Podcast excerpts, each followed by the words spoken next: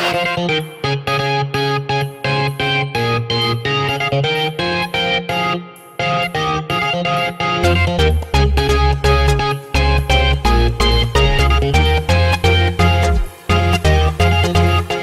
أسعد الله أوقاتكم بكل خير أينما كنتم وأينما تواجدتم. وحياكم الله جميعا في بودكاست إكسترا سبورتس. معي أنا هيثم عبيد ويأتيكم هذا البودكاست كل عطلة نهاية أسبوع ونتكلم فيه عن جوانب وزوايا متعددة من الرياضات المختلفة إلى جانب الحديث عن نتائج المباريات والعديد من الحوارات واللقاءات عن كرة القدم. فنحن نتكلم extra عن الرياضة بأسلوب مختلف في Extra Extra Sports بودكاست وبودكاست اليوم تحت عنوان وفاز تاجر البندقية. فاليوم نسلط الضوء على فوز روبرتو مانشيني بإدارته الفنية للمنتخب الإيطالي بلقب يورو 2020 وتحطيمه للعديد من الأرقام القياسية.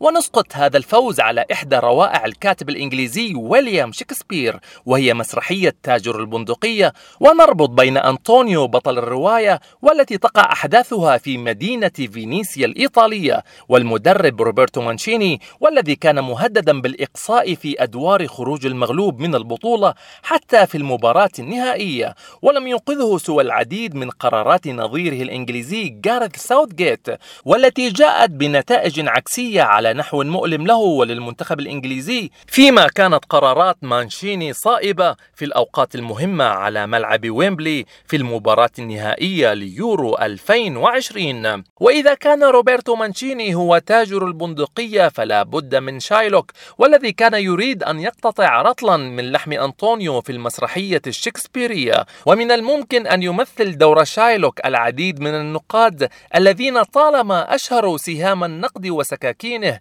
إلى أسلوب لعب وإدارة مانشيني على مدار السنوات الماضية. وكان أفضل من لعب دور شايلوك في السينما هو الممثل الكبير آل باتشينو في عام 2004 في الفيلم الذي حمل نفس عنوان هذه المسرحية أما اليوم فيلعب هذا الدور معنا في هذا البودكاست ناقد وكاتب وصحفي رياضي طالما عرف عنه انتقاد روبرتو مانشيني حتى وقت استضافتي له قبل عشرة سنوات في العديد من الاستديوهات التحليلية للدور الإنجليزي الممتاز وهو الصحفي الأستاذ خلدون الشيخ والمقيم الآن في العاصمة الإنجليزية لندن وبعث لي بهذه المداخلة والتي بدأها بالحديث عن الحالة العامة لخسارة منتخب الأسود الثلاثة وأجاب أيضا عن تساؤلي حول لماذا تكره جماهير أوروبا جماهير الكرة الإنجليزية. تحية لك هيثم وتحية لكل مستمعي بودكاست إكسترا سبورت وشكرا على الاستضافة. طبعا بعد الخسارة من إيطاليا في نهائي كأس الأمم الأوروبية في ويمبلي يعني كانت هناك حالة من الحزن العميق. كآبة في الواقع في الوجوه والمعنويات. صدمة كبيرة في الواقع لما حدث من آه، أعمال شغب قبل المباراة خلال المباراة وبعد المباراة في الواقع. صدمة أنا قلت صدمة لأنه فعلا هذا أمر مرفوض. غالبية المجتمع هنا يرفض هذه الأعمال اللي صارت بعد المباراة من أعمال شغب من قلة في الواقع هم.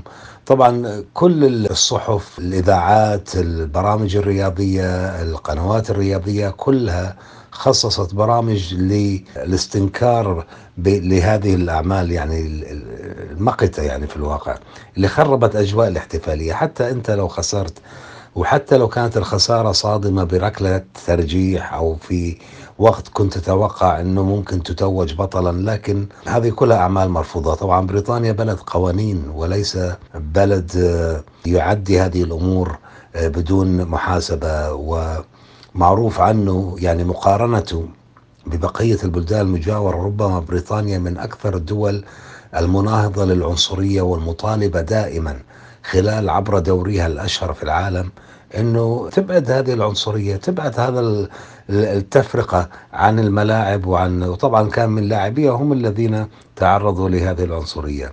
اذا الحكومة الشرطة الاتحاد الإنجليزي اللاعبين الفرق الأندية وغالبية المشجعين يرفضون هذه الأعمال.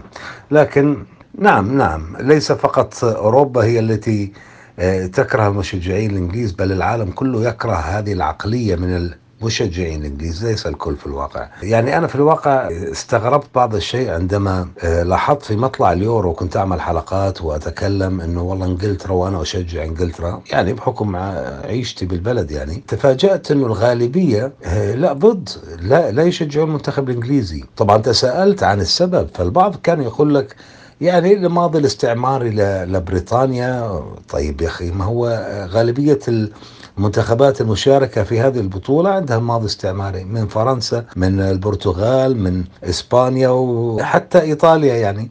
فبالتالي اكتشفت إنه بسبب الكره لهذه الآفة اللي هم كانوا يعرفوا باسم الهوليجنز وبسببهم طبعا تعرضت الكرة الإنجليزية للإيقاف من المشاركة في في المسابقات الأوروبية في منتصف الثمانينات. بعد آه، كارثة هيسل في مباراة نهائية بين ليفربول ويوفنتوس. وطبعا خلص آه، كان معروف عنهم شغبهم وعنفهم في الواقع كانوا وأنا دائما أتحدث عن هذه القصة أنه هؤلاء غالبيتهم لا يحبون كرة القدم، هؤلاء مفتعلو مشاكل يعني كانوا يتجمعون لأن مباراة كرة القدم تسمح لك بالتجمع بأعداد كبيرة، كانوا عصابات يتفقون مع بعض من مدن مختلفة أين سيلتقون في أي ملعب في خارج أي استاد كي يتم المشاجرة. بكل بساطة وهؤلاء هم ال hooligans وإنما حلوا مع المنتخب في البطولات الخارجية إن كان رحلات في أوروبا أو في العالم. دائما آه، هدفهم الأول هو آه، إحداث الشغب والعنف. وطبعا ما رأيناه أمس وأنا بدأت يعني اليوم في الواقع أستمع إلى قصص لم أكن أعرفها. يعني طبعا إحنا ما شاهدنا القليل. حتى خلال المباراة كان في شيء اللي حصل مستحيل حتى كثير من المشجعين اللي ظهروا على الإذاعات والقنوات التلفزيونية قالوا قصصهم وهي مخيفة في الواقع.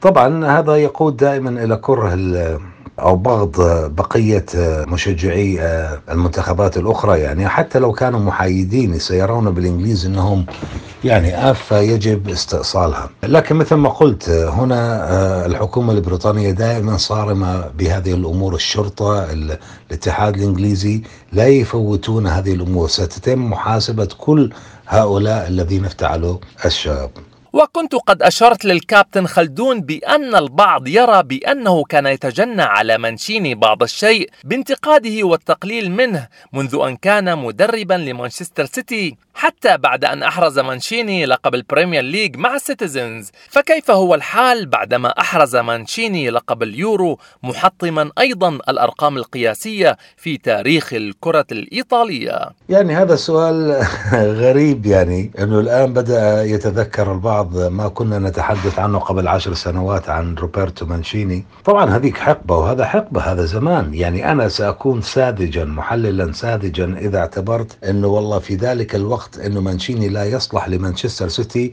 وبالتالي هو أثبتني غلط إنه جاب هذا اللقب اللي بركلة ترجيح بالنهاية وصار بطل لأوروبا إنه أنا غلط. لا لا شوف أنت عليك أن تحلل الأمور عقلانيا ومنطقيا. مانشيني اللي فعله مع المنتخب الإيطالي شيء رهيب. خيالي وأنا تابعت مسيرته ليس فقط منذ بطولة أو بداية البطولة الحالية أو المنتهية لكن من لما استلم مكان فينتورا في 2018 وكيف استخدم أكثر من 60 لاعبا لاستخراج هذه المجموعة المتجانسة. شوف ما فيش بينها نجم كبير هذه المجموعة ونجح في ذلك. إذا هو في المكان والوقت المناسبين مع المنتخب الإيطالي. لكن حينها لما كان مدربا لمانشستر سيتي يا أخي كان عليه سلبيات كثيرة. علينا أن نعترف بذلك. هو صاحب عقلية صدامية أسلوب تدريبه كان عليه مشاكل كثير. كان يا أخي يخرج وينتقد ليس فقط لاعبيه بل جهازه الفني مساعدينه. إلى بعض الأحيان كان هناك شكوى من من الموظفين في النادي إنه يأتي ولا يتكلم مع أحد أي كلمة بل ينظر إليهم باحتقار ويذهب إلى ملعب التدريب وينتهي ويروح البيت على طول. ما في كأنه لا ينتمي إلى هذا النادي. طبعا انجازاته إنه حقق لقب مع السيتي وكان يمكن البداية بداية ألقاب السيتي في هذه البطولة وجاء أيضا بآخر ركلة من الموسم. شوف حظه كلها دائما على آخر ركلات في في البطولة أو في الموسم. وأيضا خسر في الموسم التالي إذا تتذكر هيثم خسر نهائي الكأس أمام الهابط ويجن وكان إحنا عملنا حوار في إذاعة أبو ظبي في ذلك الوقت مع النجم العماني الكبير آه، آه، علي الحبسي. الذي ساهم أو أو أو جلب حتى الكاس لويجن وطبعا بعد هذه المباراة أقيل منشيني من منصبه. لكن أيضا أنا كانت لدي فكرة أخرى لأنه كان انتقادي له قبلها بسبب عقليته الصدامية طريقة تعامله مع اللاعبين عدم قدرته من استخراج الأفضل وأيضا الأسلوب اللي لعب فيه في ذلك الوقت. طبعا المدربون يتطورون. لكن أيضا كانت في نقطة مهمة إنه لي إنه أنه أبو ظبي كانت لديها مشروع مشروع في السيتي. تريد أن تجعله ماركة عالمية يعني إنه تسوقه إلى العالم. أنا كنت غير مقتنع أنك تسوق منتج مثل هذا النادي مثل هذا الفريق ويكون الوجه تاعه اللي هو عادة ما يكون المدرب إنه مانشيني لا يصلح لأنه رجل صدامي وينفر. اللي راغبين إنه يكونوا جزء من هذا المشروع. وبالتالي هذا كانت آه، انتقادي عليه. ولكن أنا كنت عارف على دراية بماضيه كلاعب ألقابه مع سامبدوريا ومع لاتسيو وأيضا لاحقا كان قبلها أحرز أيضا ثلاثة ألقاب دوري مع الإنتر. لكن شوف كمان قصة يعني شوف عقليته الصدامية. إنه ب 2016 كان مدرب المنتخب الإيطالي هو انطونيو كونتي. كان ينتقد كونتي. على ماذا؟ على ليش إنك تجيب لاعبين مثل إيدير وفرانكو فاسكيز وهم مش طليان بالمولد، يعني لأنه لهم أقارب طليان ومنحوا الجنسية، ليش تأخذهم للمنتخب؟ المنتخب يجب أن يكون إيطالي صافي، هي تنم عن عقلية عنصرية طبعا، لكن الغرابة وين؟ شوف سخرية القدر، من كان أبرز نجومه في هذه البطولة؟ جورجينيو المولود في البرازيل وأيضا أميرسون بالميير المولود في البرازيل، شوف كيف؟ هذا الرجل يعني ينم عنده هذه العقلية هذه الآفة. لكن هو الآن في المكان المناسب والوقت المناسب. بكل تأكيد اللي عمله شيء رائع. يا أنا سأكون ساذج إذا ما أشيد فيه. وأنا ليس عملي فقط أني أنتقد أنتقد للانتقاد بل أنتقد لما يكون في شيء يستحق الانتقاد. وأشيد للأمر الذي يستحق الإشادة بكل تأكيد. وأشكرك عزيزي على هذه الاستضافة وشكرا لك ولكل مستمعيك الكرام.